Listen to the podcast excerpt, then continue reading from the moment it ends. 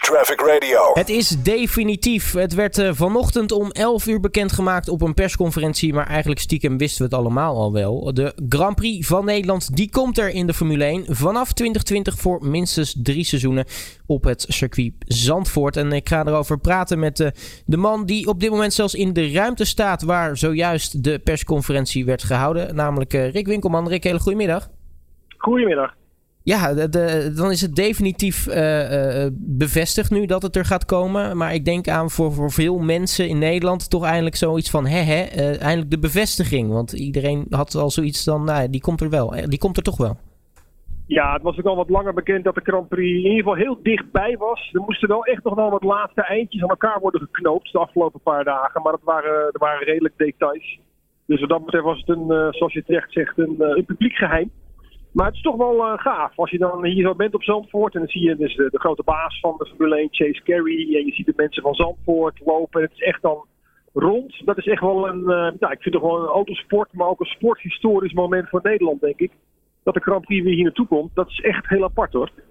Ja, de eerste sinds 1985. Uh, ik moet heel eerlijk zeggen, uh, ik werd tien jaar later pas geboren. Dus ik heb het periode niet meer meegemaakt. Maar ik heb wel. Ik moet heel eerlijk zeggen, ik heb hem wel meegemaakt nog.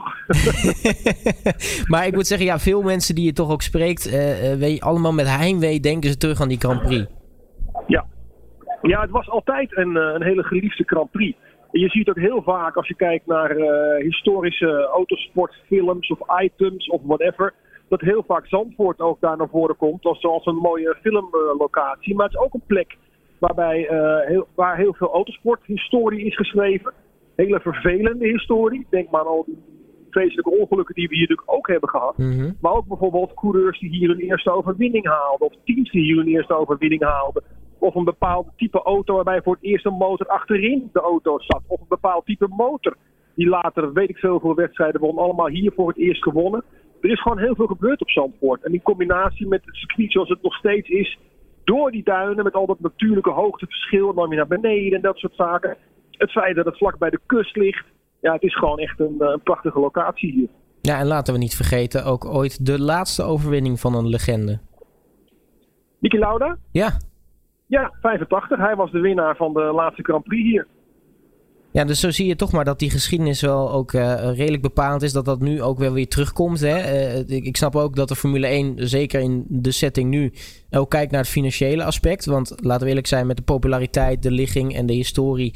Uh, het zal best een winstgevende Grand Prix worden. Plus het feit dat Max er rijdt is natuurlijk ook mooi meegenomen. Maar absoluut, absoluut. Voor, voor de romantici onder ons is dit natuurlijk perfect. Ja, het is een beetje wat dat betreft een combinatie. Natuurlijk moet er geld worden verdiend. En natuurlijk moet Zandvoort uit de kosten komen. Maar ja, wat je zegt, het is wel heel fijn dat je een plek als dit weer terug hebt. Ik denk dat de Formule 1-organisatie daar ook wel heel bewust mee bezig is geweest. We weten allemaal de naam Bernie Ecclestone, die zegt iedereen wel wat. Mm Die jarenlang de Formule 1 heeft bestuurd. Maar dat was echt zo'n... Uh, ook al is het een echte racer, die man, maar die bestuurde de Formule 1 wel volledig zakelijk. En wat je nu ziet met die Amerikanen die nu uh, uh, de Formule 1 eigenaren zijn. Natuurlijk willen die er ook geld uit. Natuurlijk zijn het ook zakenmensen. Maar ja, zoals Amerikanen sport beleven, speelt entertainment uh, een grotere rol dan dat het bij Ecclestone was. Bij, ik, ik, weet ook toevallig als circuits ehm, op de kalender wilde komen, ja, dan, dan het al als je met een hele dikke portemonnee richting Bernie Ecclestone ging. Dat was nog maar een aantal jaar geleden. Terwijl als je nu een goed plan hebt, dan wordt in ieder geval wordt er dan met je gesproken. En dan zie je wat, waar dat toe kan leiden. Want zo is het Zandvoort ook gegaan. Zandvoort is niet met een enorm grote portemonnee naar uh, de Formule 1 gegaan. Waarna ze er zijn gaan nadenken. Nee, Zandvoort had ook gewoon een goed verhaal. Mm -hmm. uh, wat ook vanuit Zandvoort zelf, ook, ook de regio, de politiek en zo werd, werd, werd uh, gesteund. Natuurlijk moest er geld komen, maar het was eerst ook praten en pas toen besluiten of je het wel of niet kon doen of het haalbaar was. Dus dat is net even de situatie omgedraaid. Natuurlijk moet er geld worden verdiend met de Grand Prix.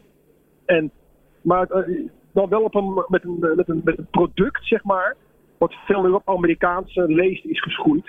En dan gaat het dus niet om een circuit in de woestijn, waar je gegarandeerde inkomsten hebt. -hmm. uh, zoals we veel zien met Ecclestone. Nee, dan gaat het ook gewoon om een, om een oud circuit weer opnieuw tot leven brengen. En daar gewoon vertrouwen in hebben dat de mensen rondom dat circuit het kunnen. En het, het, het, wordt gewoon een mega succes. Ga maar na wat er de laatste paar dagen allemaal al gebeurt, joh. Aan ja. publiciteit en dat soort zaken, weet je wel. iedereen weet inmiddels wel dat we de Grand Prix weer krijgen. En dat je terecht opmerkte voor drie tot vijf jaar, maar ik denk voor langer hoor. Want uh, lieten al even doorschemeren dat er inderdaad nu contractueel wordt gesproken over drie jaar, met daarna nog een optie voor twee jaar. Mhm. Maar Chase Carey, dat is dus de grote baas, die zei al van ja je, ja, je moest iets in het contract zetten. In principe willen we veel langer samengaan dan alleen die drie of vijf jaar. Nou, dat soort uitspraken maken het voor een circuit natuurlijk ook prettig om bijvoorbeeld weer wat dingen uh, hier te gaan investeren of, of weet ik veel wat. Dus dat geeft gewoon een hele. Ja, dit is gewoon prettig samenwerken volgens mij. Als je een circuit bent zoals Zandvoort met de huidige Formule 1 organisatie. Ja, absoluut. Uh, jij was uh, natuurlijk dan net bij die persco uh, aanwezig. Wat, wat merkte je in de zaal eigenlijk voor een sfeer? Want nou ja, als ik zat te kijken naar die persconferentie, Jan Lammers die kwam in positieve zin van enthousiasme al bijna niet meer uit zijn woorden. Ja, ja, ja, ja, Jan ratelt altijd wel in positieve zin. Door je gooit er een kwartje in en hij stopt niet. en dat is nu nog wat erger inderdaad. Maar hij is, hij is, ja, hij is natuurlijk oud Formule 1 coureur. Hij is natuurlijk race freak, heel gepassioneerd. Hij is ook nog een keer Zandvoorter. Hij is groot geworden op dit circuit. Weet je wel? Dus, dus voor hem is het natuurlijk helemaal... En hij is een sportief directeur die de Formule 1 weer terugkeert. Dus hij speelt wel echt een, uh, een hele grote rol. En ja, dat enthousiasme wat hij heeft... Ja, dat, dat, dat, dat, slaat ook door op zo'n zaal. De sfeer was sowieso redelijk uh, uitgelaten. En als ik dan om me heen keek en ik zag ook niet uh, sportjournalisten, niet autosportjournalisten... Uh, maar gewoon mensen de, voor de algemene verslaggeving hier waren. Dat zullen allemaal vandaag nog een in journaals en zo. Iedereen was toch wel uitgelaten. Want het is toch ook een beetje iets waar je, waar je ja, vind ik, als, als klein landje. Misschien een beetje uitbollig, maar je, je mag er wel trots op zijn dat er zo'n groot sportevenement uh, komt. Het is een evenement wat je kan, qua grootte kan vergelijken met sommige Europese kampioenschappen en wereldkampioenschappen bij, bij bepaalde takken van sport. Zo groot is het gewoon. Zoveel animo heeft, zoveel mensen wereldwijd gaan er naar kijken. Het is niet zomaar even een evenementje, weet je wel. En die uitgelatenheid, die, uh, die merk je hier al. Ook bij de pers. Ja, want uh, dat is natuurlijk wel een dingetje. Als je het kijkt qua, qua grootte, uh, zoals Jan aangaf, ze wachten in ieder geval voor het eerste jaar rond de 200.000 bezoekers in, in het weekend. dat, dat geeft toch wel aan hoe groot het evenement is. Ja, ik denk dat het wel meer gaat worden nog. Uh, maar dat is, dat is de schatting die ze nu uh, maken. Maar inderdaad, dat, geeft het al aan. Hoeveel dat is en uh, hoe populair het evenement gaat worden. Dus we moeten maar kijken of er mensen er echt gaan komen. Ik denk dat het misschien wel meer worden. Ja, nu voor de mensen die de persconferentie hebben gevolgd. eigenlijk het merendeel ging ook over de bereikbaarheid en dergelijke. En de, de infrastructuur. wat op zich natuurlijk logische vragen zijn. Maar volgens mij waar ze ook prima antwoord op hadden. Want er gaat veel veranderen.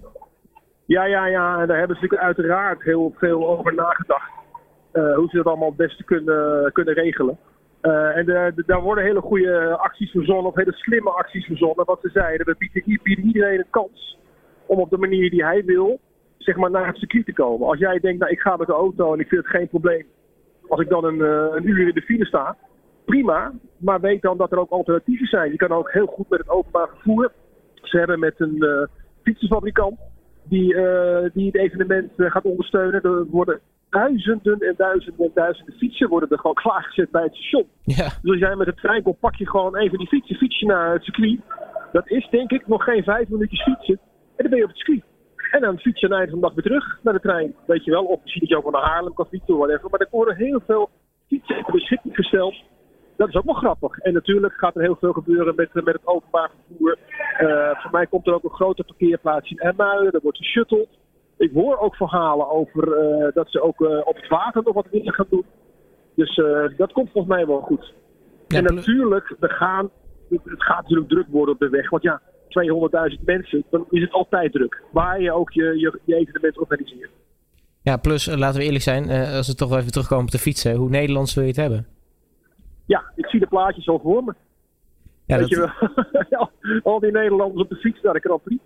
Ja, dat, dat, uh, ik denk ook dat het een enorme Holland promotion gaat worden trouwens, ja. het hele evenement. Ze gaan ook trouwens erg inzetten, ook op duurzaamheid. Dat vind mm -hmm. ik ook wel goed. Uh, dus, ja, natuurlijk, alles is nu Hosanna, hè, want we zitten nu uh, zeg maar ongeveer een jaar voor, voor het evenement. Mm -hmm. Maar het ziet ook gewoon echt goed in elkaar, al die, al die plannen die er zijn. Dus ja, kom maar op, zou ik zeggen.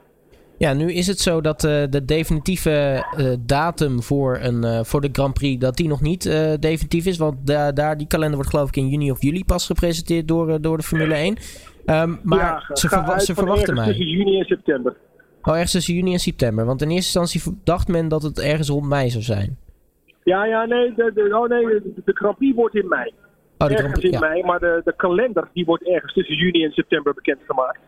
Dat heeft te maken met allemaal, uh, in, in, uh, in, juni bijvoorbeeld is er een World Motorsport Council.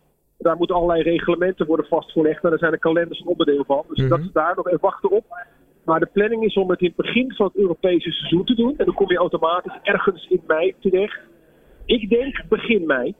Uh, dat zou dan 3 mei of 10 mei of whatever. Ik weet niet precies wat de zondagen zijn. Maar, maar ga maar ergens uit dat het ergens de eerste helft mei is volgend jaar. Uh, nu is er uh, natuurlijk ook uh, veel te doen om andere circuits. we hoorden het al afgelopen Grand Prix in Barcelona dat het wel eens de laatste keer zou zijn dat daar geraced gaat worden. Dat wellicht Zandvoort daarvoor in de plaats gaat komen. Ook als je de berichten op social media of de reacties leest, is men al bezig met het afscheid ongeveer van, van Spanje. Ja. is, is dat waar, denk je, dat dat gaat gebeuren uiteindelijk? Ja, ik denk dat Zandvoort, of dat, uh, dat Spanje en ook Hockenheim in Duitsland gaan, uh, van de lijst gaan verdwijnen. Uh, Hockenheim is vorig jaar al soort van gered. en dat zal misschien dit jaar niet anders zijn door alle Nederlandse fans die daar naartoe komen. Maar in Duitsland merk je heel erg dat, ook hebben ze met Sebastian Vettel, een viervoudig wereldkampioen, in de geleden. En hebben ze Mercedes en whatever, een echte autosportcultuur. toen Schumacher race was het druk, daarna is alleen maar minder geworden. En in Spanje hebben ze momenteel het financiële probleem dat de overheid daar niks kan doen. Uh, ook vanwege de ruzie tussen Catalonië en zeg maar de rest van Spanje. Dat speelt er ook allemaal een rol. En Fernando Alonso die daar inmiddels is gestopt. Ja. Dat zijn allemaal dingen die tegen Hockenheim en tegen Spanje werken. En ja, dat biedt wel de kans voor Zandvoort om in een van die, in een van die plekken erin te springen. Ja, dan tot slot. Nu duurt het dan ongeveer, we zitten een jaar ongeveer voordat die Grand Prix dan echt gaat plaatsvinden. hoe ziet de tijdlijn een beetje eruit? Want wat, wat moet er nog allemaal gebeuren en hoe gaan ze dat allemaal uitrollen? Nou, er zijn heel veel dingen al uitgezet. Er moeten een paar dingen aan het circuit veranderen. De baan op zich valt erg mee. Een paar bochten worden aangepast, maar de grote lijn van het circuit blijft, blijft hetzelfde. er moeten wat dingen gebeuren bij, in de paddock, waar de pitboxen zitten, maar die worden aan de achterkant worden die wat verlengd. Dat soort werkzaamheden. Uh, die gaan nu zo langzamerhand gebeuren. De grootste werkzaamheden gebeuren pas in het najaar. Wat ze wel al hebben gedaan, is dat met aannemers en dat soort partijen en zo. Al die deals die zijn er al. Dus ze hoeven niet nu nog op zoek naar, uh, naar een partij die bijvoorbeeld het circuit wat anders gaat, gaat leggen. Of als er nieuwe asfaltdingen moeten komen. Of als die pitcomplexen moeten worden uitgebouwd. Alle deals met aannemers en alles die zijn er al. Dus nu nog gewoon op een bepaald moment dat het gaan, moet gaan beginnen. Dat zal in het najaar zijn. Maar de verbouwingen vallen erg mee. Dus dat is geen enkel probleem. Kijk, dus dat is in ieder geval uh, groen licht op, uh, op alles dus. En het gaat gewoon gebeuren. Dat is natuurlijk het meest fantastische. Uh, Rick Winkelman, ja. mag ik je hartelijk danken voor je tijd. En natuurlijk succes daar nog even. Ja, komt goed. Traffic Radio.